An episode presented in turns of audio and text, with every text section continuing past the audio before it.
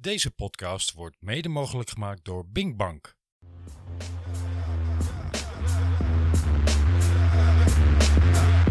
Hier een spiegel, vermijd hem of kijk erin, maar begrijp dat dan pas het gezeik begint. Ik ben een heel gedreven persoon. Gewoon net iets beter, net iets harder, net iets verder. Proberen de podcast met Jan-Willem van Schip. Een samenwerking van Piet Cycling en Velevolie Podcast. Ik heb nu niks te verliezen, behalve mijn tijd, tijd, tijd, tijd.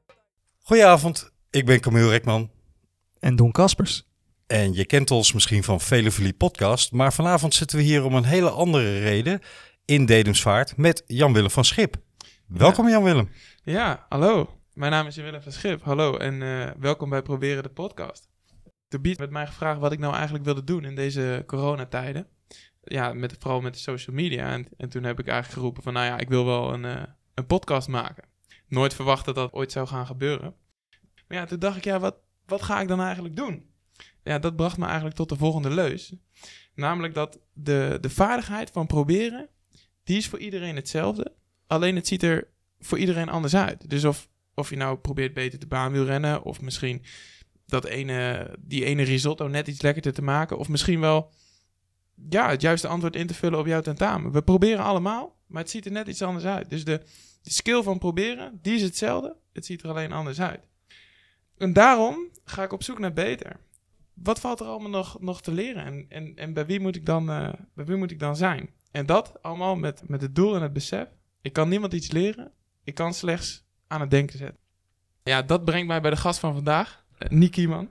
Eh, deze man is toch zeker vier jaar mijn overbuurman geweest. En die heeft toch zeker met enige regelmaat rustig shockend mijn kamer binnengekomen. Met de volgende quote. hey, eh, Willy, heb je nog eh, stroopwafels hier? Dan ging deze man al dan niet met die stroopwafels in zijn zak weer terug naar zijn eigen kamer. Daar de reden ook waarom ik hem heb uitgenodigd en wat mij fascineerde. Want wat was daar in die kamer? Er was daar een, een, een, een klerenkast. En binnen die deur van die klerenkast stonden, ja, alle doelen stonden daar opgeschreven. Van deelname op de Olympische Spelen tot wereldkampioen worden, maar ook, ook de simpele dingen. Ook de, de kleine doelen in het krachthonk.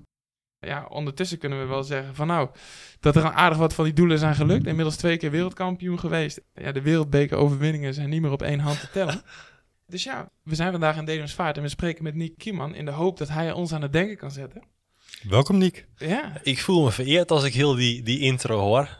En ook sommige dingen was ik al vergeten, want het is natuurlijk wel even geleden dat wij eh, allebei op Papendal wonen. Ik denk, ik woonde daar tot 2016. ja. Jij? Ja, ik ook. We, ik, Dus dat is ondertussen al wel weer eh, vier jaar geleden.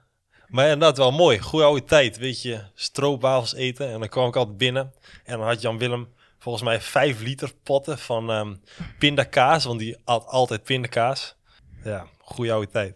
Ja, met dat eh pindakaas eten was ik maar gestopt. Totdat ik erachter kwam hoeveel, wat het verschil is tussen een broodje pindakaas met hagelslag en een broodje sandwich met kipfilet. En Je was toen altijd nog wel enthousiast aan het vertellen dat pindakaas echt de shit was. Dat Ja, je- als je ja, hard ja, wil wielrennen moet je dit hebben. Ja, ja, ja dat, daar was ik ook wel heilig van overtuigd. Maar totdat ik erachter kwam dat als je hard bergop wilde wielrennen, dat het dan toch, eh, dat het dan toch iets, iets kritischer Maar je had dus ook allemaal. vaak stroopwafels in huis.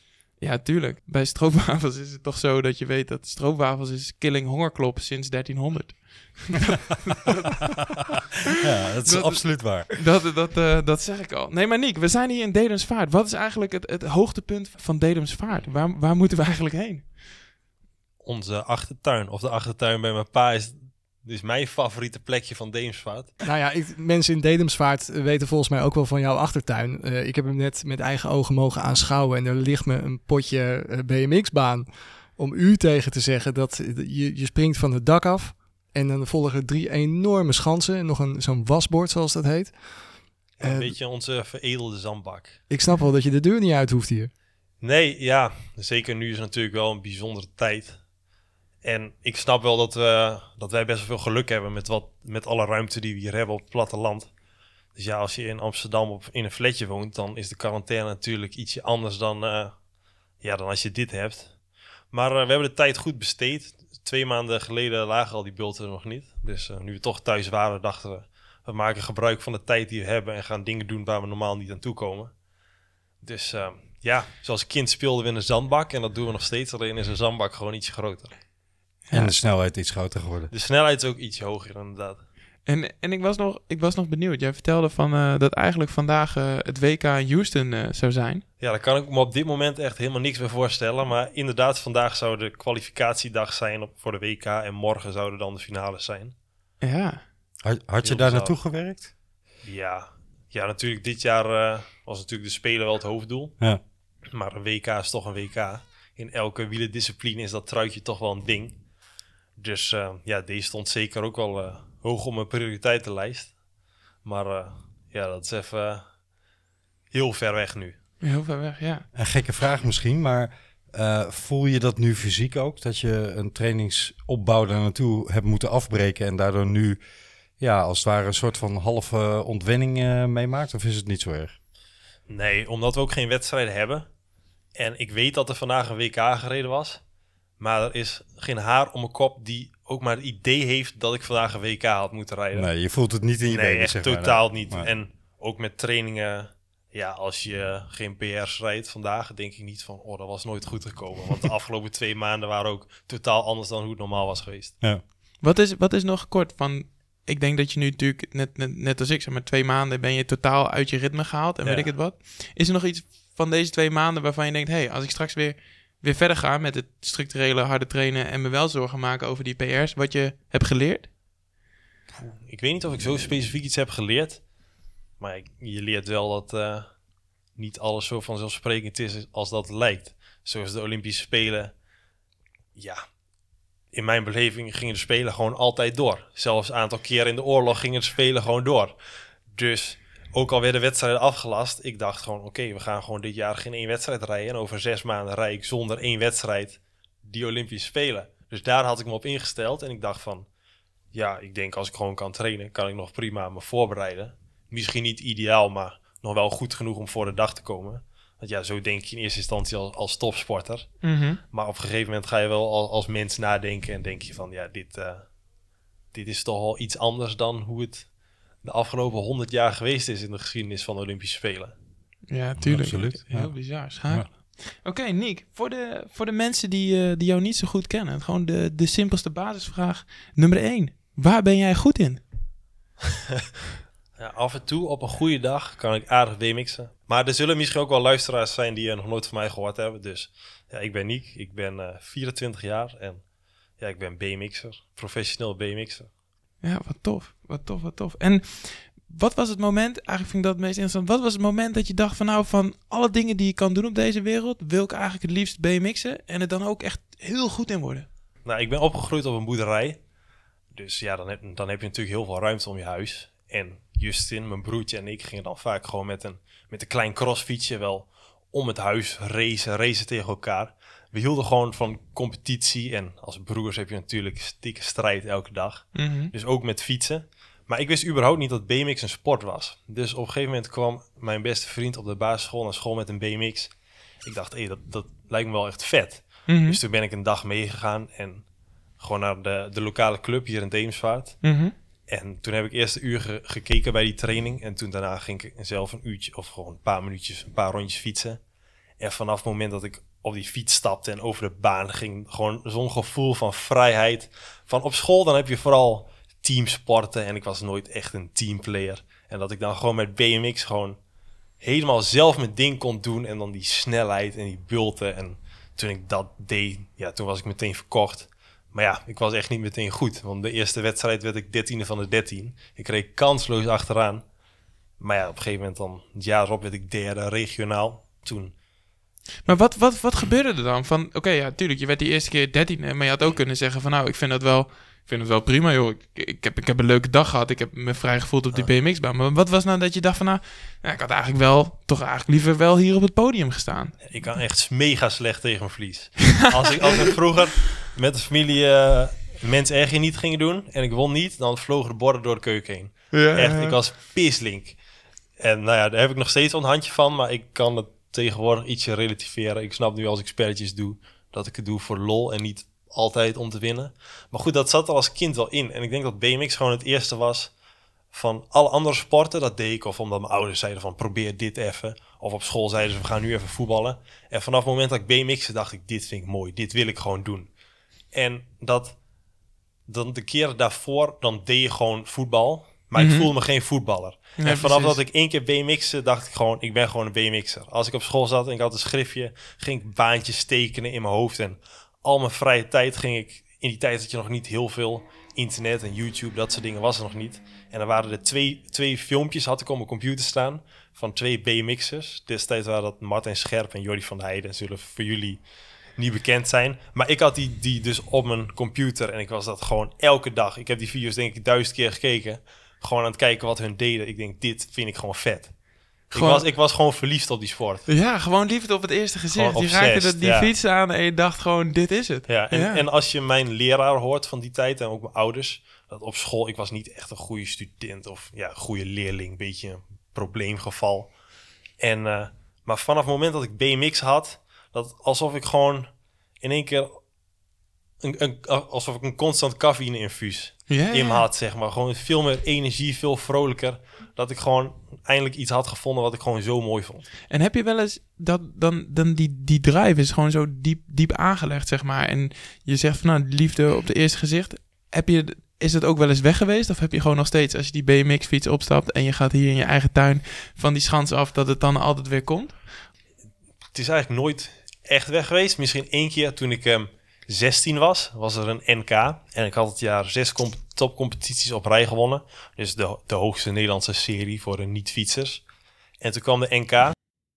En die, die verknalde ik gewoon. Mijn Mhm. broertje reed daarvoor twee eh, leeftijdscategorieën jonger. En die werd net tweede. En ik was daar zo ziek van.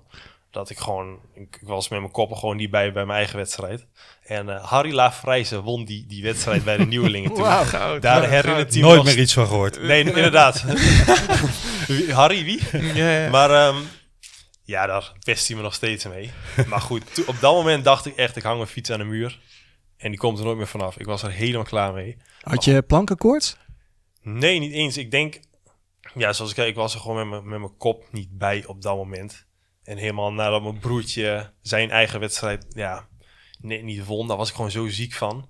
Dat ik gewoon bijna met tranen aan het hek stond voor mijn eigen wedstrijd. Ja, dat is natuurlijk totaal de verkeerde, verkeerde mindset die je moet hebben. Die was niet gefocust. Nee, maar het jaar da- daarna won ik hem wel. Dus ik heb er eh, gelukkig wel van geleerd. Ik vind het nog wel, ik vind het een mooi bruggetje. Want vraag die ik van tevoren had bedacht van, oké, wat, wat, ehm, wat zeg je nou tegen jezelf? Dus stel je voor, jij had vandaag in Houston aan het starthek gestaan. Finale, bam. eh, je staat daar. Het, het duurt nog, eh, weet ik het, een half minuutje voordat je gaat starten. Wat, wat, wat zegt Nick iemand tegen zichzelf op dat moment? Dat gevoel heb ik echt zo gemist de afgelopen maanden. Gewoon Ja. dat, dat zo die pure focus die je dan altijd hebt. Maar ja, dan ben je gewoon heel ontspannen. Je, je let vol op je ademhaling.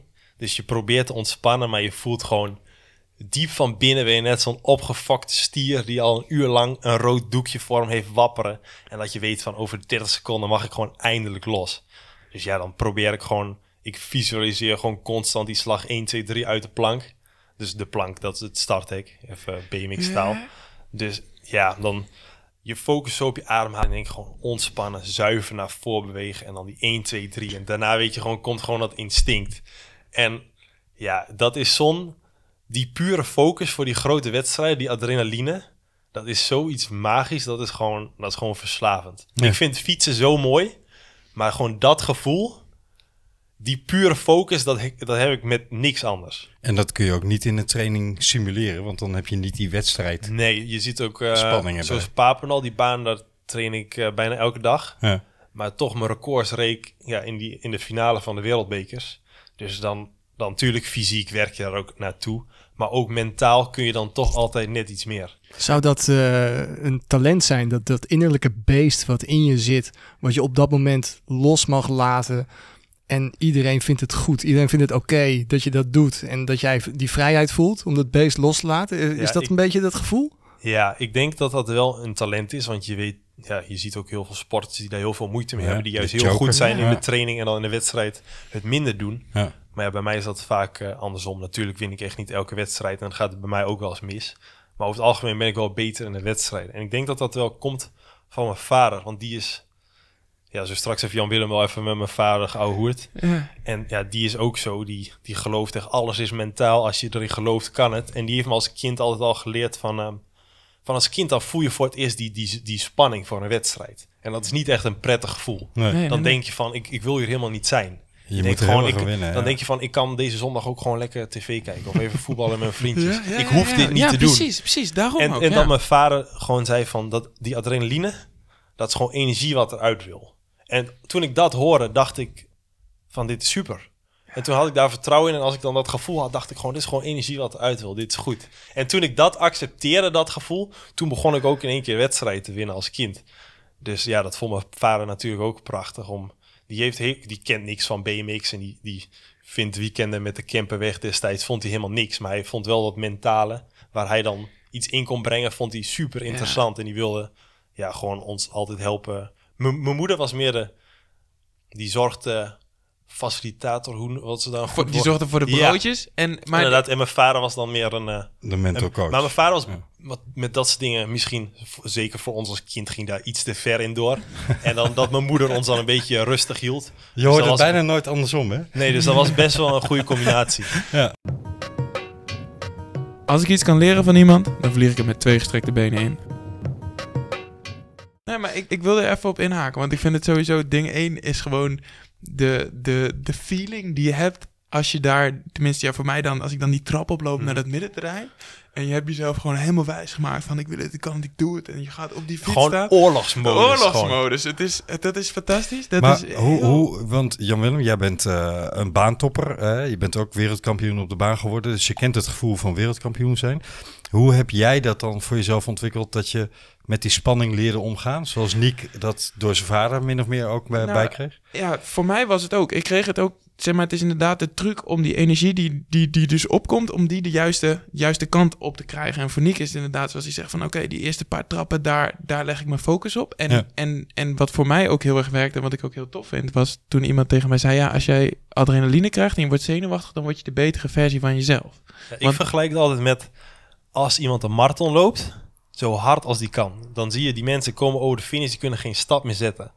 Maar ik weet zeker, als er op dat moment een tijger om de hoek komt, weet ik zeker dat je nog een sprintje kunt trekken. Ja. Dus je lichaam kan altijd meer. En gewoon als je die adrenaline hebt, dan, dan komt er gewoon een soort oermens naar boven, wat je normaal in een training nooit ziet. Is dat ehm, het kunnen aanspreken? Hoe heet dat principe? Fight of... eh, Fight or flight. Ja. Fight or flight, Ja. hè, ja. Is is het dat topsporttalenten dat misschien beter kunnen aanboren? Dat, dat mechanisme van dieper kunnen gaan, verder kunnen gaan en niet denken, auw, het doet pijn, ik stop, want dit is niet gezond. Maar juist denken, ik wil over die grens heen. ja, wat denk Ja. jij daarvan, Nick? Ja, ik, denk, ik denk dat ik als mens best wel goed kan relativeren.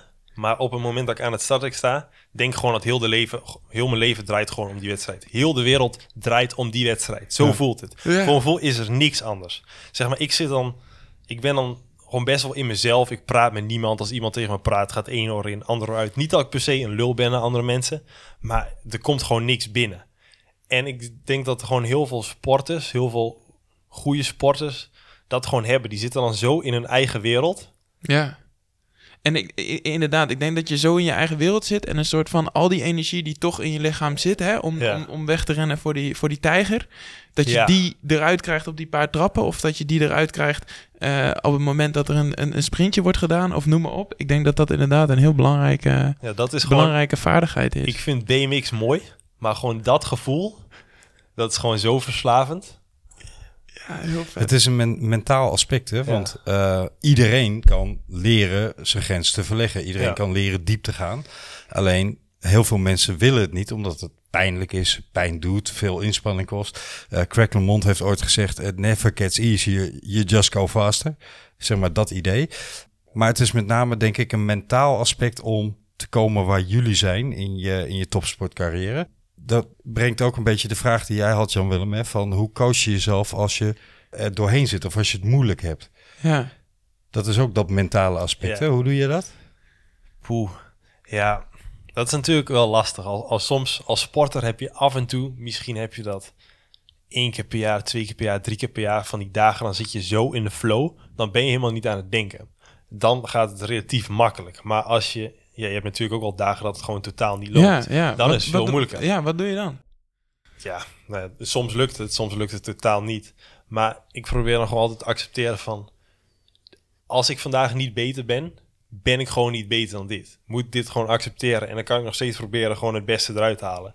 Van als ik vandaag niet kan winnen, misschien kan ik met slim rijden nog wel vijfde worden. En heel soms sta je dan gewoon met die mindset aan de finale. Krijg je een kans en kun je nog steeds op het podium komen en nog steeds winnen. Dus het is, ik denk dat gewoon mijn, de voormalige bondscoach, daar heb ik vijf jaar onder getraind, Bas de Bever. Die, die was nooit echt van de quotes, maar die had eigenlijk twee quotes, die nu zeker in coronatijd ook wel goed van pas komen. En eentje was, only focus on the things you can control. En de ander was, gewoon accept and adapt. Dus het was gewoon, als ik niet goed was, was gewoon accept and adapt. Gewoon accepteren en aanpassen, dit is het. Maak het beste van. Het is zo simpel, maar het, ja, het klinkt is- heel makkelijk, ja, maar ja, het is veel moeilijker. Ja, het is dus, je, je krijgt het dus ook duidelijk voor elkaar om inderdaad een soort van te accepteren van oké, ik heb misschien wat mindere benen of mijn start is wat minder. Maar daardoor krijg je dus wel de denkstap door, door te denken van oké, oké, die start is minder. Oké, waar ga ik me wel op focussen? Oké, ik ga hem onderdoor sturen in de eerste bocht bijvoorbeeld. Ja, je wordt En- creatiever. Ja, en dat is inderdaad, ik denk ook wel dat dat, dat, dat veel makkelijker gezegd is Ja, het dan dat het nu gedaan- zo makkelijk. Ja, ja, ja. exact, exact. Want, want op dat moment gaat er natuurlijk van alles en nog wat door je heen. En, en dan is het heel moeilijk. Maar uiteindelijk is dat wel de, de basic inderdaad. Want, En gewoon het, het resultaatdoel gewoon even loslaten. ja, precies. Gewoon niet denken van, ga ik winnen? Want dan word je gek. Want dan Maar denk nou je, klinkt ben dat heel makkelijk. Ja, dat zeg Maar ik zo. hoe heb je dat geleerd? Want dat zal vast niet Ja, Ik was daar na echt- één keer... Ik eh, was daar echt heel slecht in. ja. Als ik ergens Echt? op een baan aankwam. En ik weet nog het WK junioren. Toen was ik eerstejaars junior in 2013 in Nieuw-Zeeland. En ik was dat jaar best wel oké. maar ik was vooral goed op de hele grote banen. En toen was de WK ergens op een klein binnenbaantje. Dus ik kwam die hal binnen. Ik was zo pislink. Echt waar. Ik kon de organisator gewoon verrot schelden. Ik was zo pislink. Ik denk, ik ben goed. Waarom is de WK zo'n klein baantje? ja. Toen had ik de WK al verloren voordat ik maar één rondje over die baan had gereden. ja maar ik was gewoon heel de week... Ik Was, Mentaal. Ja, ik Ja. was gewoon...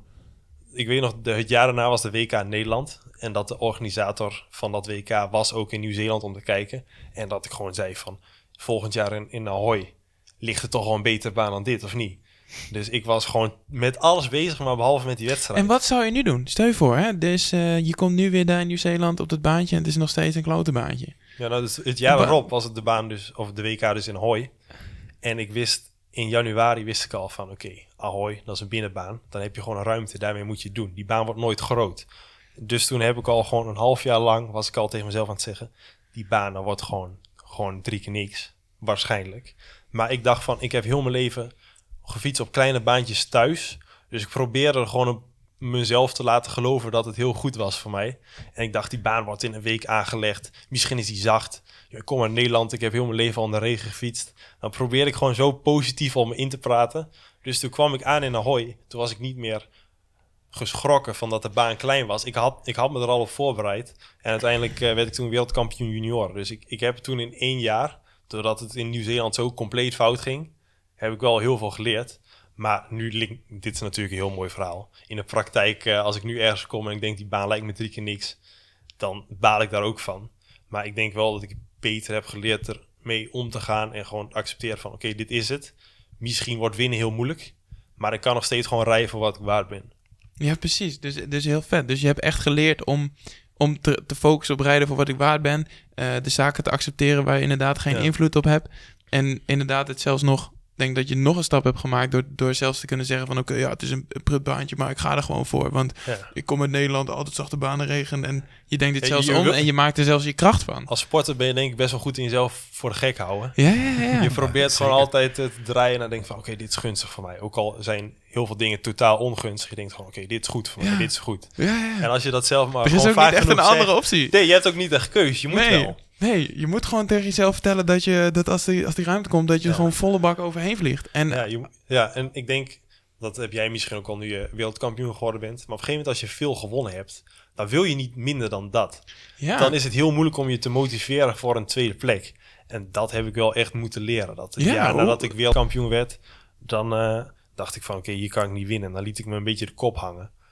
Maar goed, daar heb ik toen heel veel fouten meegemaakt en best wel veel laten liggen achteraf. Maar ja, dan, dat was misschien bij de, de val van Jelle van Gorkum.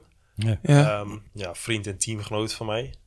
Die, eh, nou, die, die kwam te vallen. En toen besefte ik ineens van... Misschien rij ik dit weekend wel mijn laatste wedstrijd.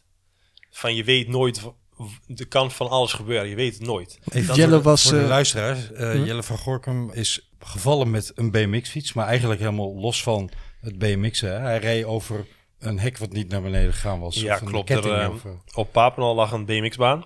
En ehm, in de winter of zo, dan lag er sneeuw. En die, die startheuvel is natuurlijk heel hoog. ja. Dat is natuurlijk heel leuk om met de slee naar beneden 9 te gaan. meter hoog. 9 meter hoog, ja.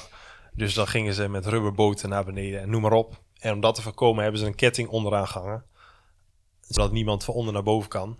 Maar goed, die dag was het ja, dus vergeten om een ket, die ketting weg te halen. Dus Jelle klapt volle bak op die ketting. Ja, dat heeft mij wel... Hij, hij kan niet meer fietsen nu. Hè? Eh, Nee, hij fietst niet meer. Nee, het gaat eh, relatief wel goed met hem en steeds beter. En hij is nog steeds... Ja, ik eh heb wel respect voor zijn mindset. Hoe Mhm. positief die in het leven staat. Mhm. ondanks dat zoiets gebeurd is. Maar ehm, om terug te komen op jouw vraag van net, dat heeft me wel doen beseffen van, net als de coronatijd, dat niet alles is van, zo vanzelfsprekend als dat er lijkt. Mhm. Dus dat ik toen echt dacht van, oké, zelfs al is het maar een vijfde plek, dan moet ik gewoon alles aan doen om die vijfde plek te halen. Want voor hetzelfde geld is dit mijn laatste wedstrijd. Dan moet je gewoon eruit gehaald hebben wat erin zat. En dat heeft mij wel echt ook op dagen dat ik dacht van oké, winnen is kansloos. Ging ik in één keer racen voor een vijfde plek. En in één keer won ik. Dus toen ging een wereld voor me open dat ik dacht van misschien moet ik gewoon niet bezig zijn met winnen. En gewoon racen, zo goed als kan. En soms win je dan ineens. Omdat je dan meer in het nu bent dan Ja, dus dat dat- je al vooruit... Dus eh, ik denk fysiek was ik... eh Jelle's val was in 2018, begin 2018. En 2016, 2017 heb ik geen één wereldbeker gewonnen. In 2015 werd ik wereldkampioen. En vanaf toen heb ik gewoon 2,5 jaar geen enkele wereldbeker gewonnen. Geen één wedstrijd op mondiaal niveau. En de eerste wereldbeker na Jelle's val... Toen dacht ik de dag van tevoren... Maakte ik bijna weer die fout. Dat ik denk van oké, er gaan echt veel gasten hard hier. Ik kan hier nooit winnen. Ja. En dat ik de avond van tevoren ook eh, met Bas en mijn fysio had gezeten van... eh, ik, ik voel hem niet, man. Ik, ik, dit wordt niks. ja en toen op een gegeven moment kwam ik tot dat besef. Ik denk van, weet je wat, ik ga gewoon racen voor wat ik waard ben. Won ik die dag erna, won ik de wereldbeker. Dus toen ook helemaal, dat was de eerste wedstrijd na de val van Jelle. En dat ik na zo lang weer een wedstrijd won. Dat, ja, toen was ik ook gewoon echt emotioneel naar de wedstrijd. Dat, Daarna zie ik die interviews en dan eh, liever de tranen over mijn wangen. Gewoon, dat, natuurlijk vond ik het mooi voor Jelle. Heel mooi dat ik voor hem weer een wedstrijd kon winnen. Maar ja, voor Maar voor was- mezelf was het ook gewoon een, een, een, rugzak met gewichten, met lood die van mijn rug afging. Dat ik na 2,5 jaar weer de switch had gevonden van, van zo, zo, doe, ik- zo hoor ik die wedstrijd te rijden. Zo kan ik wedstrijden winnen. En dat, hoe, dat als je niet aan winnen denkt, je de kans op winnen veel groter maakt. En hoe, hoe, tegen, ja, hoe tegenstrijdig het eigenlijk ook is. heb je dat, dat besef wat je net zei van... Mijn focus lag verkeerd, namelijk ik dacht al aan het winnen of juist niet winnen. Ja. Maar in plaats daarvan ben ik gaan, gaan denken, ik moet racen. Heb je dat gevoel na afloop van die overwinning? Heb je dat beseft of, of was dat echt Nee, gedurende de opbouw nee. in die dag? Ehm, de avond ervoor, toen ik... Daarvoor zat ik met, met Bas en de fysio dan. Ik voelde me gestrest, onrustig. Ik zat gewoon niet echt lekker in mijn vel. En toen ik dat gesprek met hun had gehad... was het echt alsof er een last van mijn schouders viel.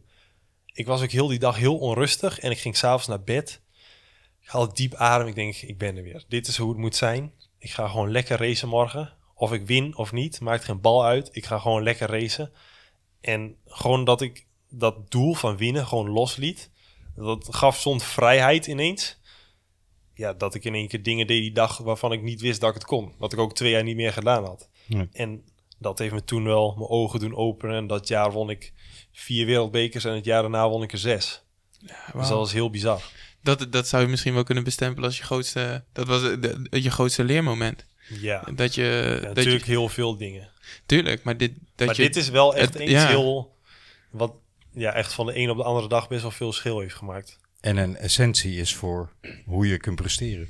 Ja, en ik denk dat dat eigenlijk voor iedereen zo geldt. Ja. Dat je niet moet focussen op het resultaat, maar op het proces. Het klinkt heel cliché, maar het is zo waar. Kan het ook waar zijn, ehm dat is eigenlijk voor jullie beiden een vraag, dat je dat besef pas kunt ervaren als je al gewonnen hebt als je al bovenop die Ja, dan, berg dan, staat dan- het is net alsof je, of gestaan hebt. of je die berg aan het beklimmen bent. Ja. En pas als je op de top bent, dan heb je dat overzicht. Ja. Van, oh, zo moet je het doen. Zo heb ik het gedaan en dit werkte. Alleen als je halverwege die berg zit, dan is het nog zo ver weg naar die top. Dan denk je van, wat moet ik doen? En dan kom je allemaal dingen tegen. En dan heb je gewoon niet dat overzicht. En achteraf denk je, ah, zo heb ik het gedaan. Tenminste, dat heb ik. Ja, ja, ja ik, ik herken dat ook wel. Ik, ik vind het wel... Ik merk wel heel erg bij mezelf. Ik maak altijd een, een, een, een- plannetje voor een wedstrijd. En dan schrijf ik gewoon op van... Oké, dit, dit, dit probeer ik mezelf mee te geven zeg maar, tijdens die wedstrijd. En op een gegeven moment had ik een wedstrijd gedaan in, eh, in Berlijn. eh, wereldbeker. En toen was ik derde geworden. En toen dacht ik... Oké, ja, het moet helemaal anders. Het moet, zo- het moet zo. En bam, bam, bam. Vijf kantjes evaluatie. En toen deed ik die wereldbeker. Ja, dat was echt mijn grootste dieptepunt. Maar daar heb ik, daar heb ik zo knijten, knijten veel van geleerd. Want ook wat jij nu vertelt, van hè, uiteindelijk moet je, is het het beste om te zoeken naar die focuspunten wat, voor- wat voor jou werkt. Hè? En, en doordat ik daar op mijn bek ging, heb ik dat, dat heel erg geleerd. Dus ik vind het heel tof dat jij dat ook hebt geleerd. En het klinkt inderdaad heel cliché, van je moet je inderdaad focussen op het proces en je kunt je maar op een paar kleine dingetjes kun je beïnvloeden en de rest moet je loslaten, noem maar op. Maar ik vind het heel mooi om te horen hoe je dit zo hebt ervaren en hebt geleerd. Ik weet ook nog, nadat jij eh, de eerste keer dat ik jou sprak, nadat je wereldkampioen werd, toen zaten we op Papendal aan de bank. En toen hadden we het er ook zo over van hoe jij dan die WK had gewonnen en hoe je dat deed in de voorbereiding en mentaal. En dan dachten we van ja, het klinkt zo simpel. Ja, Dan denk je van nu alsof we nu de code gekraakt hebben. Het vanaf nu de rest van ons leven gaat het niet meer fout. Maar dan elke wedstrijd, elke volgende wedstrijd begin je weer onderaan die berg. En moet je weer gewoon struggelen en constant tegen jezelf blijven praten. En dan tegen jezelf blijven zeggen. En je mentaal ja, gewoon zo neutraal weten te houden. En niet te denken aan het resultaat. En je, je emoties schommelen alle kanten op heel de dag door. En om dan gewoon rustig te blijven. Ja, dat is elke keer weer de uitdaging. Ja, precies. Dat, heb je, dat, dat, dat verwoord je super mooi. Ja, voor jou, ik weet niet, ik zeg altijd tegen mezelf van... Oké Willem, je moet gewoon op die fiets gaan zitten en gewoon even tempo aanvoelen. Ja. Dat is eigenlijk de enige wat je moet doen. Ja. Dat is zeg maar nog net te overzien. Nou ja, in je hoofd gaat gewoon een soort van hele storm aan dingen. En dan probeer ik te zeggen, oké, laat die storm even gaan. Gaan we gewoon op de fiets zitten en dan gewoon even één rondje tempo voelen. En dat is te overzien en dat, dat lukt nog. En dat, dat werkt ook voor mij. En ja, jij hebt dat denk ik ook uiteindelijk. Ja, ik heb een paar. ik- mijn moeder had me een keer een paar video's gestuurd van eh, toen Justin en ik kind waren. Dat we gewoon vrij ook in de tuin met een schep en een kruiwagen bezig waren met om een baantje te maken en dan lekker aan het fietsen. En dan de dag voor de wedstrijd besef ik me vaak. Al die wedstrijden, die titels, allemaal hartstikke leuk. Maar uiteindelijk doe ik dit spelletje omdat ik het heel mooi vind. En dan besef ik gewoon van dat, dat, dat zes, zeven, achtjarige jongetje, die was hartstikke blij geweest met alles wat ik nu al bereikt heb. Van, ik heb al veel meer bereikt dan dat ik ooit had durven dromen. Dus dan denk ik van, focus gewoon op wat je mooi vindt. Ga gewoon lekker racen. Race gewoon zoals je kunt, waar je trots op bent. En dat resultaat zien we dan, dan vanzelf wel. En als we deze vertalen naar hoe maak je nou die risotto die, waar je zelf zo gek op bent en die je graag maakt, hoe maak je die nog beter? Of hoe kun je je nog iets beter voorbereiden voor je tentamen? Hoe zouden jullie dat, eh, hoe zien jullie dat? Gewoon accepteren dat, je ook, dat het ook mis kan gaan. Ja, Ja, dat, dat, dat is wel een goede inderdaad. Of ik, ik zou hem vertalen naar, naar bijvoorbeeld als je een tentamen moet maken. Dat je bijvoorbeeld denkt van, stel je voor je hebt een vraag en je weet niet het, niet het complete antwoord. Dat je denkt, oké, maar wat, wat weet ik wel of zo, weet je wel? Dat je, want dat is iets waar je wel iets mee kan. Als Ja. je zegt tegen jezelf, oké, wat weet ik hier niet? Ja, ik weet het antwoord niet, dan schiet het niet op. Maar als je bijvoorbeeld denkt, oké, als ik nou eens alle stapjes die ik wel weet eerst eens ga opschrijven.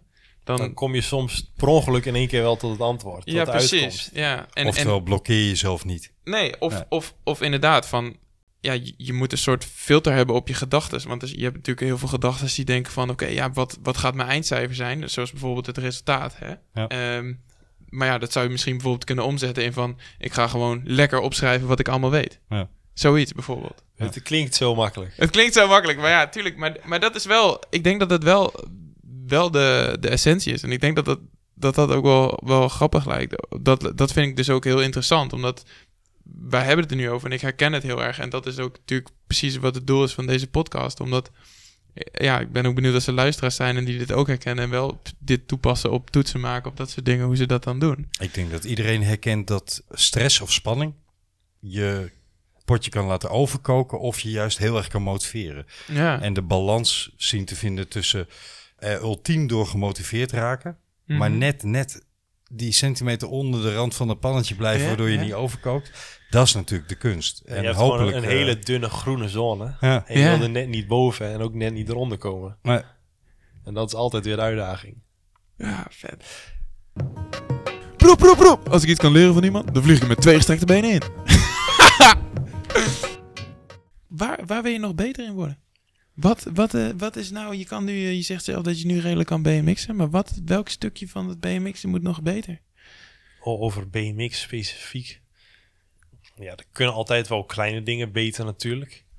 Maar ik, de laatste jaren, denk ik dat ik me vooral meer probeer te verbeteren in de dingen daarbuiten. Dus ook, zoals nu het mentale is natuurlijk heel interessant. Maar ook gewoon mij als mens, van als een wedstrijd slecht gaat, van hoe kan ik daar als mens beter mee dealen. Dus af en toe, ik heb afgelopen jaar had ik in Manchester een wedstrijd. Daar, daar viel ik. En ik was aan het schelden, aan het vloeken, met dingen aan het smijten. En uiteindelijk won ik die wedstrijd. Dat achteraf mijn coach naar me toe kwam van... Zo knap dat je dat gedaan hebt. En dat iedereen heel positief was. Maar ik, ik schaamde me kapot. Ik denk, waarom heb ik me zo laten gaan? Ja, Dus dat ik meer probeer van me als mens te verbeteren. Dat ik ook wel denk van dit, dit fiets is heel mooi. Ik vind het allermooiste wat er is. Maar ik wil meer zijn dan alleen de fietser. Dus ja, wat probeer ik te verbeteren? Ja, gewoon, ik weet niet, als mens zoals mijn vader heeft dan een eigen bedrijf en dat soort dingen. Zoals als sporter zijn we heel fanatiek met, met ons dingetje. Maar dat is natuurlijk exact hetzelfde met het bedrijfsleven. Of als je moet leren voor een toets en zulke soort dingen. Het, Mhm. het principe blijft hetzelfde. Dus ik probeer ook in andere dingen ja, kijken of ik me een beetje kan ontwikkelen. ja en ook, ook, ook of ik nog... Op den duur zou ik misschien ook nog wel een keer uit nieuwsgierigheid gewoon eh, willen proberen te baan rennen. Gewoon omdat ik zelf altijd nieuwsgierig ben van... Kan ik in iets anders ook goed zijn? Ook beter worden? Gewoon onderaan de ladder be- beginnen en kijken waar ik dan kan uitkomen.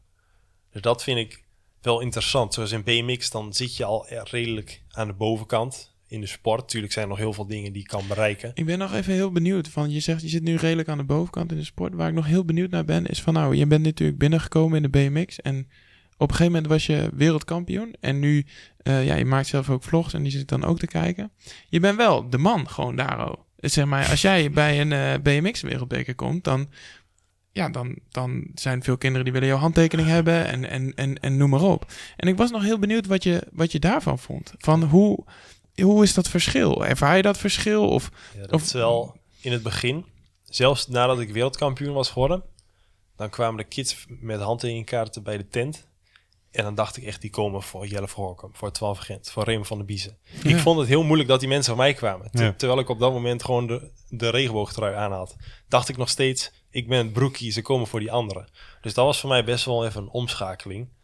En nu weet ik, nou je weet het niet, maar als er bij wedstrijden kids langskomen, dan is de kans groot dat ze, nou ja, ik vind het heel vervelend om zo te zeggen. Ik vind het zo arrogant ze klinken. komen maar ook voor maar jou. je weet Ja. Zeker. je weet Ja. dat ze regelmatig voor mij langskomen.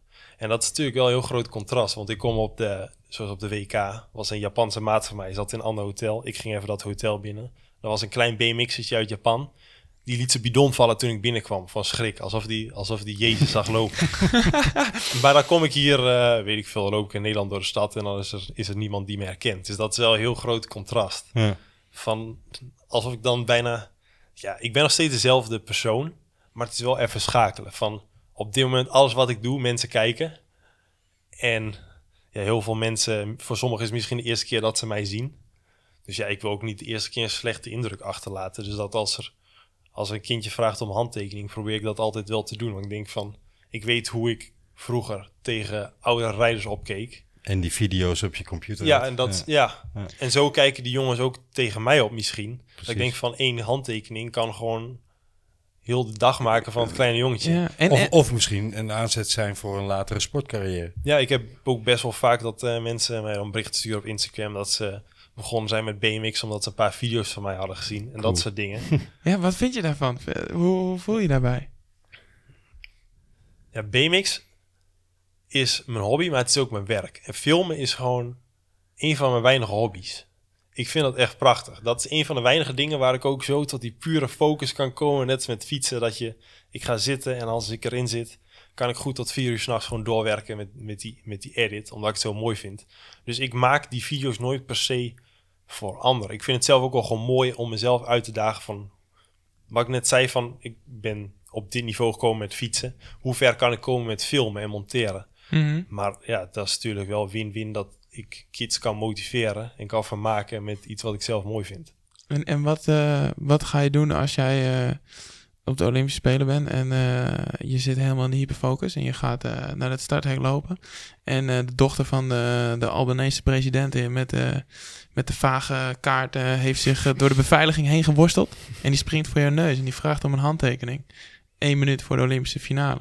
Ik denk dat juist de kunst is op zo'n moment dat je gewoon ontspannen kunt zijn. Dus ik, yes, nee, ik- heel onrealistisch die, die, dit scenario. maar, de- nee, maar maar je- ik probeer, als er één iemand is, vlak voor een finale, en die vraagt om een handtekening, dan zou ik hem zetten. Als er een groepje kids staat, zeg ik, joh, kom naar de finale even. Kom naar de finish even, even terug. Ja. Dus als één iemand is, denk ik, oké, dit is twee seconden werk. Ja, oké, dan, dan Dus er zit al verschil in even van- kort te schakelen. Ja, want soms dan... eh, ja, ik heb dat in Australië, heb ik voor het eerst in mijn leven gehad dat ik na een wedstrijd een bericht kreeg dat ik een paar kids teleurgesteld had.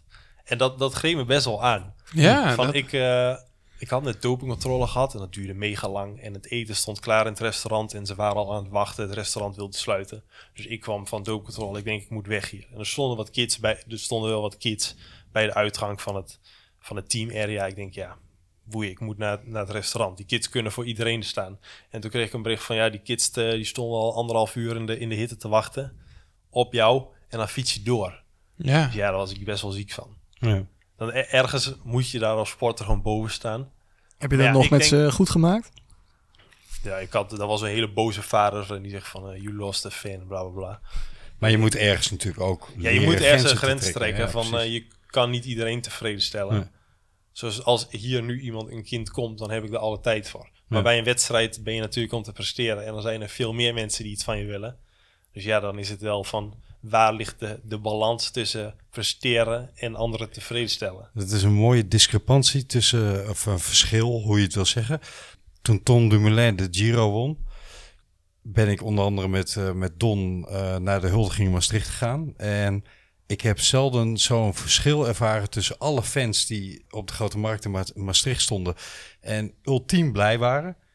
En de winnaar, waarvan je zou denken, nou, die heeft helemaal dat gevoel, die ongelooflijk ongemakkelijk op het podium stond. Omdat hij eigenlijk zoiets had van, komen jullie allemaal voor mij? Ja, En, heel eh, bizar. ja. Ik, ik begrijp dat wel. Het, er zit natuurlijk alle fans ervaren van...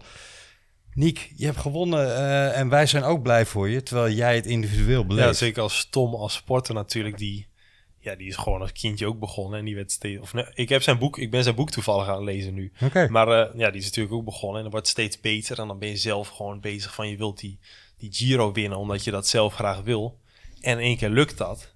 En dan zijn zoveel mensen die in één keer aanbidden, wat je helemaal niet gewend bent. Ja. Dat je denkt van, gebeurt het, gebeurt het echt? Ja. Dus ik, ja, ik snap zijn gevoel dat je daar misschien een beetje ongemakkelijk van wordt. Zeker als je ja, zo'n situatie niet gewend bent. Nick zei net iets wat me heel erg fascineert. Hij zei, ik wil eigenlijk... eh, jij vroeg, hoe kun je nog beter worden? En toen zei Ja. hij, ik wil eigenlijk als mens beter worden. Ja, En, en wat mij nu al een paar minuten in mijn hoofd zit, is, is dat omdat je jezelf, om Louis van Gaal termen te gebruiken, als het gehele mensprincipe ziet dan. Hè, zo van ik wil na mijn sportcarrière ook nog wat geleerd hebben van alles wat ik nu Mhm. meemaak met het reizen over de wereld. Of is het omdat je ook denkt daar als atleet beter van te worden? Allebei Ja, eigenlijk. ja lag voor de hand natuurlijk. Ja, maar ja. Nee, ja, ik denk eh, zeker als je dingen over jezelf als mens te weten komt, denk dat je daar, als je weet hoe je reageert op verschillende scenario's, dan kun je daar als sporter natuurlijk ook veel mee. Ja. Maar ik wil niet dat als ik over twintig jaar terugkijk en denk van oké ja, vroeger hè, was alles hartstikke mooi in die tijd dat ik fietste. Mhm. Maar wat kan ik nu eigenlijk? Dus ik wil ja, wel meer kunnen dan alleen BMX'en. Kijk, als ik eh, klaar ben. En zoals nu, ik vind film heel mooi. Lijkt me heel tof om ooit eh, documentaires of zo te maken. Het verhaal van sporters te vertellen. Dat vind ik ja, fucking mooi om te doen.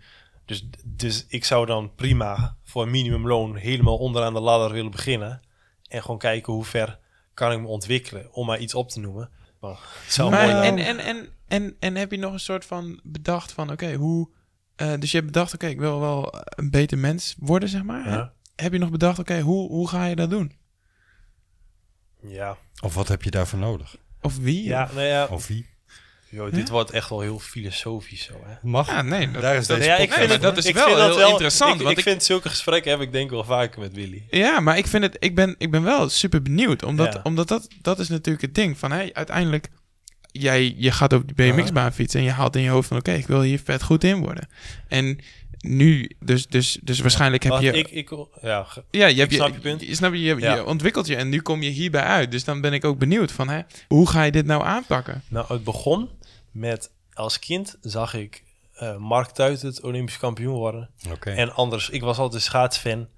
En ik dacht, als je de beste in de, van de wereld ergens in bent, dan leef je de rest van je leven op een roze wolk. Dat, dat was mijn, mijn geloof. En ik denk dat daarom als vanaf kind, vanaf tien jaar, weet ik, noem maar op, was ik altijd gemotiveerd om te BMX'en. Want ik dacht van, hoe kut het nu, mag ik dit zeggen op podcast, Ja, ja. hoe vervelend iets nu ook is. ik denk, op den duur word ik hier gelukkig van. Dat geloofde ik. Dus ik was, ik vond het totaal niet moeilijk om feestjes over te slaan. Om dat soort dingen te doen, omdat ik dacht van, ik wil dit BMX, hier wil ik gewoon goed in worden. Mhm. Dat- En toen werd ik wereldkampioen. En toen dacht ik, ik ben gewoon nog steeds hetzelfde als gisteren voordat ik wereldkampioen ja, was. ja, ja, ja, ja. Dat het me best wel tegenviel. ja? Dat ik bedacht Ja, van, ja, Niks ja. met een roze wolk. nee, totaal niet. Eigenlijk het tegenovergestelde gewoon. Ja. Dus dat ik echt dacht van, ik heb alles waar ik heel mijn leven van gedroomd heb. Ik heb het nu bereikt. En ik ben nog steeds hetzelfde als gisteren. Ja? Dus je hebt niet ik- wekenlang in die regenboogtrui geslapen. Nee, ik heb zelfs sommige trainingen deed ik hem niet aan, omdat ik het respectloos vond naar mijn teamgenoten die datzelfde doel hadden. dat ik dacht van ik ga mijn oranje shirtje aantrekken, want ik wil niet opscheppen met die regenboogtrui. Waarvan ik nu denk van Niek, ben je helemaal koekoek, doe die fucking regenboogtrui elke dag aan. Zelfs met sprints. Maar goed, zo was het toen. Maar dat heeft me wel doen beseffen van, ik, wat we net ook zeiden van het proces, dat ik dat gewoon heel mooi vind. Van net als bouwen met Lego. Je gaat Lego bouwen en dan heb je je dingetje af. Dan ga je niet eh, een jaar lang daarna kijken van... Goh, dat heb ik weer mooi gedaan. Je breekt Nee. hem af en je gaat iets nieuws Ja, bouwen. Want ja. dat vind je mooi. Ja, Ja, er zijn mensen die kopen iets nieuws, hè, omdat ze het heel houden. Maar Ja. jij vindt juist mooi om het Ja, ik vind opnieuw dat, te gaan dat bouwen. ergens Ja, aan maar- bouwen, ergens aan werken vind ik heel mooi. Ja. En dat heb ik nu met BMX. En ik merk dat ik met filmen datzelfde heb. Dus ik hoop gewoon dat ik naast BMX ooit nog zo'n passie vind... waar ik gewoon gelukkig van word. Letterlijk een voorbeeld van proberen. Ja, Ja. En, en, en, en ook inderdaad, dat vind ik ook echt heel cool. Met heel veel focus op het proces dus. Omdat dat, dat Ja, gewoon uiteindelijk je verder gaat brengen. ja, je ego even aan de kant zetten. Want je bent natuurlijk gewend als BMX dat je ergens bovenaan, bovenaan de ladder staat. Maar dat je gewoon totaal onderaan moet beginnen. En niet denken van oké, ik was ooit die, die goede BMX'er. Dat je gewoon denkt, ik ben gewoon een, een normaal mens, net als iedereen. Ik maak fouten, dat is helemaal prima. En gewoon proberen beter te worden. En van fouten leer je alleen maar. En dat is, dit is ook weer veel makkelijker gezegd dan gedaan. Ja, maar, ik wel probeer de, het wel. wel. De, wel. Ja, het is wel de essentie. En als je gewoon blijft bouwen met die Lego-blokjes en je blijft... Dan heb je Je vanzelf gaat weer- heel mooi ja, kasteel. je gaat het weer afbreken en je gaat nog weer een keer bouwen. Je kasteel wordt telkens net, net een stukje mooier. En eh, dus je moet gewoon, gewoon, gewoon blijven bouwen. En dus nu denk ik ook wel dat, dat, dat inderdaad, als dat wereldkampioen worden dan dus, dus tegenvalt. Hè? En Olympisch kampioen worden, dat is dan natuurlijk nog hoger. Hoe, hoe kijk je daar dan nu dan tegenaan? Ik ben er echt. Het klinkt natuurlijk van, hé, hey, je hebt Rio niet gewonnen, dus nu denk je van, hé, het maakt me niet zo uit. Zo helemaal niet. Maar ik heb na die wereldtitel wel besef van, van ook van een Olympisch titel, word ik niet anders. Ik ben nog steeds Niek. Ja, Maar dat betekent niet dat ik niet gemotiveerd ben daarvoor. Dat begrijp ik niet verkeerd. Nee, Nee, maar nee, je wordt er nee, niet tuurlijk, ultiem tuurlijk. gelukkig van. ik, ja, het, misschien Tijdelijk. tijdelijk Ja. inderdaad. Op dat, ik weet zeker dat eh, ik met Willy dan een leuke avond heb als we dan ja, ja, ja, ja, ja, dan wordt het gezellig dan in de Holland Heineken House.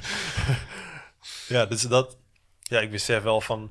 Misschien kan het je leven ietsje veranderen. Dat het op den duur deur open. Je ziet heel veel oud-Olympisch kampioenen. Dat ze daardoor, omdat ze ooit Olympisch kampioen waren. eh, Maar, maar misschien is het, is het, is het, is het besef van het, het, het streven naar die gouden medaille, dat dat al heel tof is.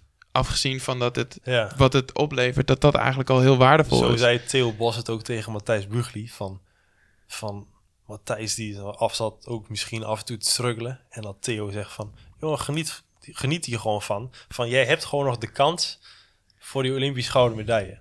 pak die kans gewoon. Geniet gewoon van die reis daar naartoe. Of het lukt of niet, geniet daar gewoon van. Want Theo zei ook van ja, ik heb die kans niet meer.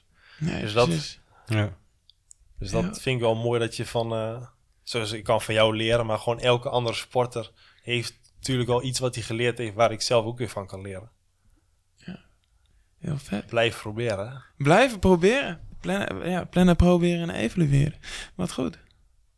Oké, mooi. Nou, dan gaan we een beetje naar, de, naar het slotstuk van de uitzending. Dan heb ik nog een paar eh, finale vragen voor je bewaard. En de, de eerste vraag is van nou, als jij... eh, eh, hoe, wil, hoe wil jij herinnerd worden? Dus als een soort van... stel je voor... Dus ja, ja, ja, het is een vrij diepe. Maar gewoon als je, en niet als mens, want iedereen wil herinnerd worden als tof persoon, maar een soort van, vooral als BMX'er. Dus Wat moet als, je sportlegacy zijn? ja, ja, wat, wat is nou, wat wil je nou dat een soort van, dus die kinderen van, van 15 die op middelbare school zitten, die gewoon de hele dag op YouTube eh, jouw filmpjes zitten te kijken. Hoe, hoe, hoe wil jij herinnerd worden als BMX'er? Schiet me tota- nu ineens ook een andere vraag te binnen. Jij hebt ooit in een interview gezegd van als je een doel hebt, moet je hem voor jezelf houden. Ja. Waarom is dat? ja, dat heb ik eigenlijk gelezen in een boek. Dat heb ik ergens van gejat gewoon. Ja, maar wa- wat is daar de, de logica achter? Wat is daar de logica achter? Ja, dat het, ja, dat het dan heel erg van jezelf blijft. En dat, het, dat je heel dicht bij jezelf al die energie op de goede plek krijgt. En als je je doel deelt met andere mensen, dan krijg je er oordelen op. En dat wil je eigenlijk niet hebben, want je wil gewoon een soort van heel erg gefocust naar het starthek toe lopen. Ik vind het wel mooi dat je dit zegt, want ik heb, jij hebt dat ooit in een interview gezegd.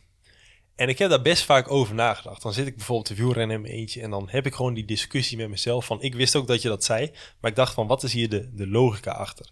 Ja. En toen kwam ik eigenlijk ook wel op hetzelfde uit van dat ik dacht van, als de, de buitenwereld niet weet wat je aan het proberen bent, word je er ook niet op afgekeken, kun je gewoon in alle rust gewoon focussen waar jij mee bezig bent. Dus ik, ja, ik was even nieuwsgierig, schoon met binnen. Ook omdat je die vraag zei. Dus daarom misschien met, dat is niet eens zozeer qua wedstrijddoelen. Hoe wil ik herinnerd worden? Jezus.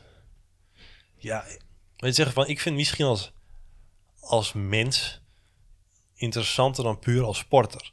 Want als ik word herinnerd van Nick dat was echt een, een goede BMX'er. Maar ze zeggen van ja, maar was echt een lul van de vent.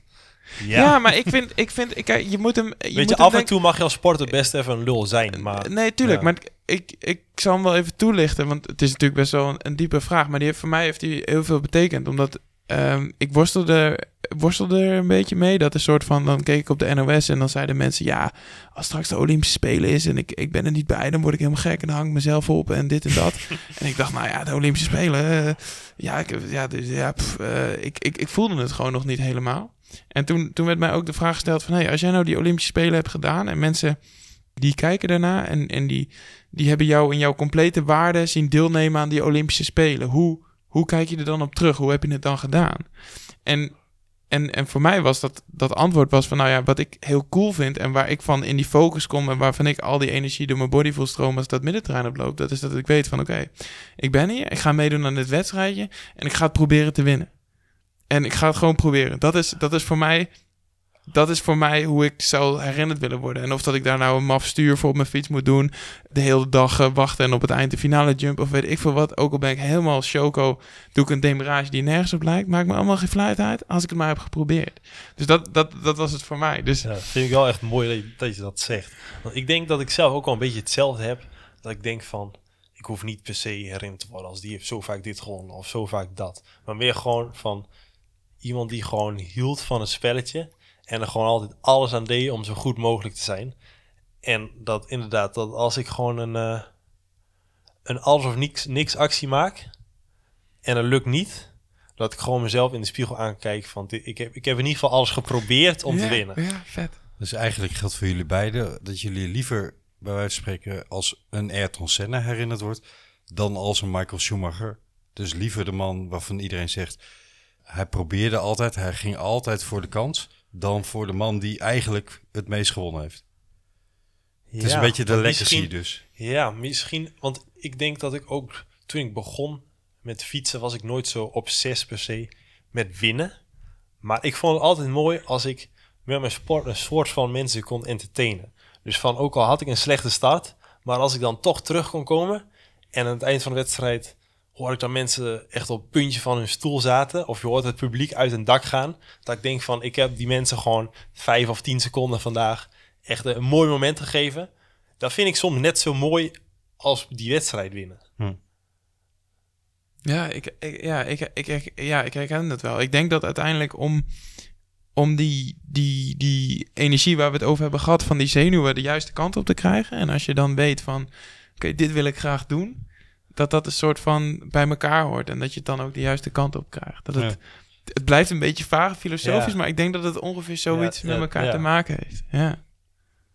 Ik weet nog, Jan-Willem, toen jij vorig jaar de EK reed in Apeldoorn. Wij Ja. dachten aan precies hetzelfde. Ja, ja. Dat, toen reed je die, de, de puntkoers, hè, Ja, was het. ja, de, de hele de koers reed iedereen alleen maar op jouw wiel. En het hele veld ging er wel eventjes eh, voor zorg dragen dat jij even niet dat truitje ging winnen. Ja. En ik zat er naar te kijken. Ik, ik zat eh, in, de, in het velodroom. En ik dacht, holy shit, dit wordt echt helemaal niks. Die, er, gaat, er gaat helemaal niks meer, niks meer ge- gebeuren. Maar jij herpakte je en jij die laatste, pff, wat zal het zijn geweest, 15 ronden of zo. Toen ging jij zo hard fietsen.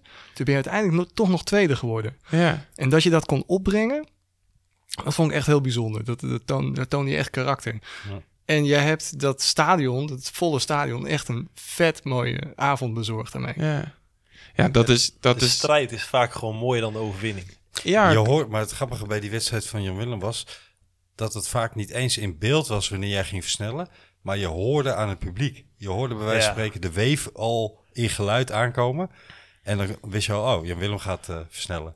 Ja, maar ik denk dat, dat die wedstrijd ook van, dat werd me ook een keer gevraagd, van, ja, wat was je hoogtepunt eh, tot nu toe in je carrière? Ik denk wel dat het die wedstrijd was, omdat dat gewoon precies mij definieert, weet je wel? Gewoon van scheid aan alles, gewoon, oké, deze manier werkt niet, oké, weer een nieuw plan, oké, we gaan gewoon nog een keer proberen, oké, ook niet gelukt, oké, nog een keer wachten, nog een keer proberen. En dat die ultieme vibe van proberen en gewoon elk moment er toch voor gaan en niet opgeven en tegen jezelf zeggen, je kan het en doen ja, dat, dat je dat hebt uitgestraald, ja, dat, dat is voor mij was wel mijn hoogtepunt. Ja, dat vond ik heel ook- cool. Nu snap ik ook al waar de naam proberen te podcasten vandaan Ja, komt. absoluut, absoluut. Ja, voor mij is het woord is, is, is, is, is proberen. Ja, dat, dat is eigenlijk wat ik de hele dag, dat is wat ik leuk vind en wat mijn, ja, wat mijn, wat mijn waarde is, zeg maar. En dat, daarom, eh, daarom ook nu, weet je wel, van, ja, dat, dat is misschien ook leuk om te vertellen van, ik ben hier vandaag geweest en ik heb je opgebeld en ik heb gezegd, ja, Nick, ik wil eh, proberen beter te worden in, in sprinten. Vertel me alles wat je doet. En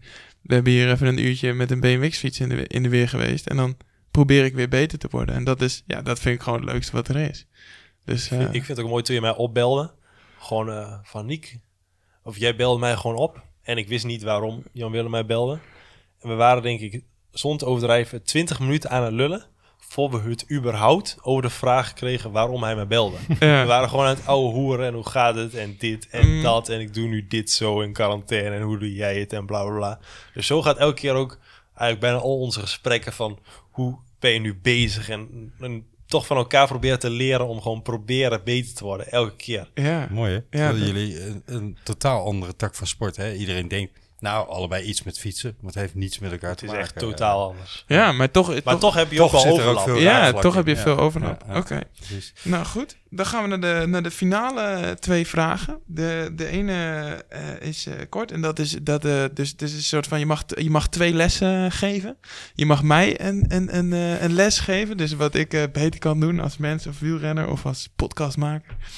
En eh, je mag daarna mag je nog een eh, les geven aan de luisteraar. Van nou, wat is nou iets wat jij hebt meegemaakt in het BMX, waarvan je denkt, hey, dit is echt vet belangrijk en dit, dit wil ik graag dat mensen deze ervaring of deze tip of deze les met zich meenemen. Ik word bijna ongemakkelijk van de vraag. Omdat ik denk van, ik ben nog relatief jong, ik ben 24 en ik probeer overal nog te leren. En als aan mij dan gevraagd wordt om, ook soms aan een presentatie, dan moet ik tegen mensen die ouder zijn dan mij, meer levenservaring hebben, moet ik even uit gaan leggen hoe het leven in elkaar zit. Ja, maar je hebt wel een leven in een, in een versnelling meegemaakt Nee, dat, natuurlijk. dat denk ik ook wel. Ja. Maar ik, ja, ik, ik vind dat ik zelf nog te veel kan leren om echt, ja, zo de, de meester uit te gaan spelen. Maar inderdaad, ik denk wel een paar dingen van, gewoon de dingen die Bas mij wel geleerd heeft. Van gewoon wat er ook gebeurt, gewoon accepteren En maak het beste van. Gewoon accept en adapt. Gewoon ook nu in, met coronatijd. Van hoe vervelend het ook is. Gewoon accepteren hoe het is. En kijken wat kan ik wel doen. Wat zijn de mogelijkheden. Ja. Zoals de baan in, de, in onze tuin. Om maar even een heel ander voorbeeld te noemen dan de mensen die dit luisteren op dit moment. Maar dat idee hadden we al lang. Maar ik had nooit tijd. En nu dacht ik, oké, hier, nu hebben we tijd. Dus kijken gewoon van wat kan wel. Ja, dat is denk ik gewoon eh, accepteren en aanpassen. Ik denk als je dat altijd goed kan, wat ik ook al niet altijd even goed kan.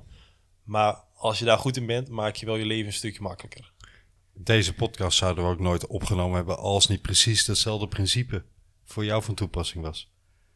Hè? eh, als corona niet uitgebroken was, zouden we nu hier niet aan tafel nee, hebben gezeten. Nee, nee, dat is, dat is, dat is precies helemaal waar. Ja. En ik, ik vind hem, ik vind hem, eh, ik vind, ik vind de les gewoon, gewoon supergoed. Hij, Ja. hij lijkt simpel, maar hij is gewoon heel duidelijk. En voor mij eh, was het inderdaad ook coronakansen. Ja. nu zit ik met, eh, met een paar grote zweetplekken een podcast op te nemen. Maar ja, je, je, je probeert wat en je, en je leert en, en daardoor kom je weer verder. En waarschijnlijk geldt het ook voor jou. Door die BMX-baan hier in de tuin te maken, ben je ook weer verder gekomen. Ja, maar ook überhaupt eh, zonder de podcast al. Het feit dat jij hier gewoon langskwam en zegt van... Niek, jij kunt sprinten op een BMX. Ja. Ik heb vragen. Dus wij gingen gewoon even een uurtje BMX'en. Ging gewoon alles uitleggen wat ik wist over sprinten en hoe hij zich kon verbeteren. Maar andersom heeft eh, Jan Willem ook genoeg dingen als duursporter dan. Waar met BMX focussen we vooral heel veel op de techniek. En natuurlijk ook op het fysieke.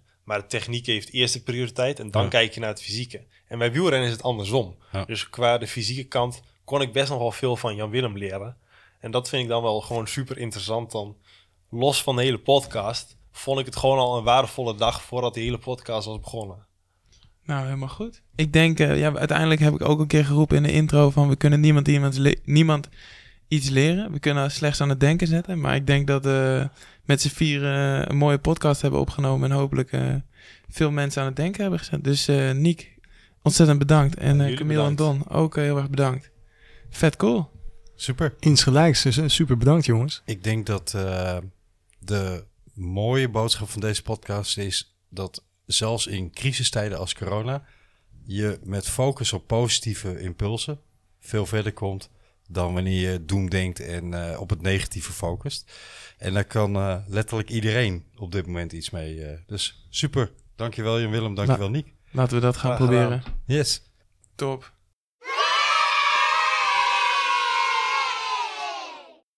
En dan nu een stukje plannen, proberen en evalueren. En goedenavond Don. Goedenavond Camille. We zijn eh, een paar dagen na het gesprek met eh Niek Kieman. En eh, Het was een leuk gesprek hè? ja, was, eh, was super gaaf. Ja, Ja. ja. Ik ben wel benieuwd wat eh, Jan Willem ervan vindt. Ik ook. En wat hij van, heeft geleerd. Ik eh, zou bijna willen zeggen, zullen we hem gewoon eens bellen? Kunnen we hem bellen? Let's do that. Oké.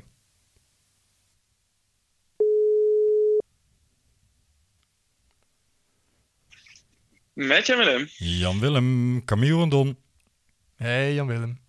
van Proberen Hallo, de podcast. goedenavond. Goedenavond. Ja, ja. Hey, ehm, wij zaten net tegenover elkaar en we zeiden... Goh, wat zou Jan Willem van het gesprek met Kieman hebben gevonden? Want wij vonden het mega gaaf. Ik denk jij ook, hè? Ja, ja, ja, absoluut. Het was sowieso eh, een heel tof gesprek. Het was een toffe dag om daar te zijn. En eh, ik vond het gewoon echt, echt heel mooi om, om te horen hoe hij het beleeft. En ik vond het ook heel tof dat hij, toen ik het nog even terug la- luisterde, van, dat hij vooral vertelde over dat accept en adapt. Eh, dat, dat, dat dat de truc is. Eh, ja, dat heb ik eigenlijk in de week, of in de, in de dagen daarna, heb ik dat nog best wel veel gebruikt. Weet je, als er weer iets, iets, iets even shit was, dacht ik, ja, dit moet je gewoon even, even accept en adapt doen. En, eh, en weer verder. Ja. En, en voor de rest vond ik het ook heel, heel fascinerend dat hij. Ja, ik vond nog twee dingen heel fascinerend. De ene was dat hij echt vertelde van hoe hij zichzelf er doorheen coachte met die twee verschillende banen. Ja. Dus dat die ene in, eh, in, in, in, in Nieuw-Zeeland was en dat hij het helemaal kut vond. En dat het toen in Nederland in Ahoy was. En dat het eigenlijk praktisch hetzelfde prutbaantje was. Maar dat hij totaal anders zichzelf er doorheen had gecoacht. Ja, andere mindset. Ja. Ja, exact. En, en ja, dat, dat, dat was wel gewoon een tof, tof kijkje in de keuken. En, en ook eh ah, zoveel toffe dingen verteld. Ik eraan zit te denken. Ook dat hij vertelde van, van die marathon. En dat hij dus, dus, eh, dus als, je, als je een marathon zou rennen. En je bent eh, klaar. En je zit daar een beetje uit te puffen. Op de, De hoek van de straat. En dat, en dat er een tijger langskomt. ja. Dat je dan altijd nog dat ene sprintje kan doen. Ja, ja, ja. En dat het dus, en dat het, en dat het dus de truc is om die tijger in te zetten. Om zo hard mogelijk die BMX-wedstrijd te doen. Ja, dat, dat, dat vond ik, vind ik gewoon heel cool. Prachtige dat, beeldspraak. Dat is, eh, ja, want iedereen, iedereen herkent dat ook, hè? ja, dat, dat, dat denk ik wel. Nou ja, ik ben, ben wel benieuwd of dat iedereen dat herkent. Of dat mensen daadwerkelijk wel eens een situatie hebben gehad waarvan ze ineens dachten van... Hé, hey, holy moly, nu kan ik echt dingen die ik net eigenlijk nog niet kon. Ja. Ja. Maar, dat, maar dat, dat, het dus, dat je het dus wel kan oproepen. En eh, dat, is, dat is natuurlijk tof om uit te leggen. Absoluut. Ja. Dat is ook wel de kunst, denk ik. Is dat iets om op de training te oefenen? Ja, misschien wel. Ja, het is, ik denk dat ik, ik, ik, ik heb geen idee. Maar het, het is in ieder geval dat je weet dat het bestaat. Dat is al, al vet. Absoluut. Ik Ja. ben benieuwd En hoe vaak hij nog om de, om de hoek komt kijken, die tijger. wat, ik over, wat ik overigens niet eh, hoop, Jan Willem, is dat jij ontmoedigd wordt door eh, zijn realiteit van, nou ja, hè, en toen ik wereldkampioen werd, ja, eigenlijk was er niks veranderd daarna. Eh, dus laat je, laat je daar vooral niet door demotiveren. Hè? We gaan gewoon voor goud nog steeds, toch? ja, nee, nee, nee, absoluut, absoluut. Maar ik vind die, die, die, eh, die erkenning en, en hoe hij dat uitlegt, ja, dat is, dat is, dat is fascinerend. En dat, daar, daar ben ik nog niet helemaal, helemaal over uit, hoe of wat. Maar, maar het is wel tof om te horen dat hij zegt van ja, uiteindelijk vind ik toch dat BMX'en gewoon echt heel mooi. Ja. En, en dat die erkenning een ander ding is. Maar de- hoe het precies zit, dat, ja, dat, dat, dat is weer, weer wat voor de volgende gasten. hey, over volgende gast gesproken, mooi bruggetje. We gaan naar Ja. eh, Wilco van Rooyen. Ja, ja, ja, absoluut. Hoe De gaaf man, is dat, hè? eh, Ja, hoe gaaf is dat? We gaan eh, een lesje, lesje top eh, beklimmen. Nou, wel, wel, wel, eh, wel jammer dat we net van Nick hebben gehoord dat, dat je dan de top hebt bereikt en dat het dan tegenvalt. en deze man die doet, ni- die, die, die doet niks anders. Maar eh, Zou, nee, het is, zou het die is- hetzelfde het is- zeggen? Ik, ik weet het niet. Dat, eh, dat, dat, dat, dat gaan we hem absoluut vragen. Of dat het, eh, ik denk dat Wilco wat- wat- ook wat- Voor, de, voor de helft bezig is met de weg naar beneden. Ja, En dat was voor, Ja, Niek, eh, voor Niek is dat nog niet aan de orde. en, je, en je weet het, hè? De meeste, de meeste bergbeklimmers die sterven niet eh, op de top, maar op de weg, eh, weg weer terug naar beneden. Precies. Ja, ja, ja. Nou, ik ben heel benieuwd hoe dat gesprek gaat worden, Willem. Ehm, ik heb er zin in. Ehm, laten we naar Wilco gaan. Ja. Yes, yes. En dat doen we in de volgende aflevering van Proberen de podcast. Zie je dan? Tot bij Wilco. Yes, tot dan. Tot de volgende. Hoi. Deze podcast werd mede mogelijk gemaakt door Binkbank.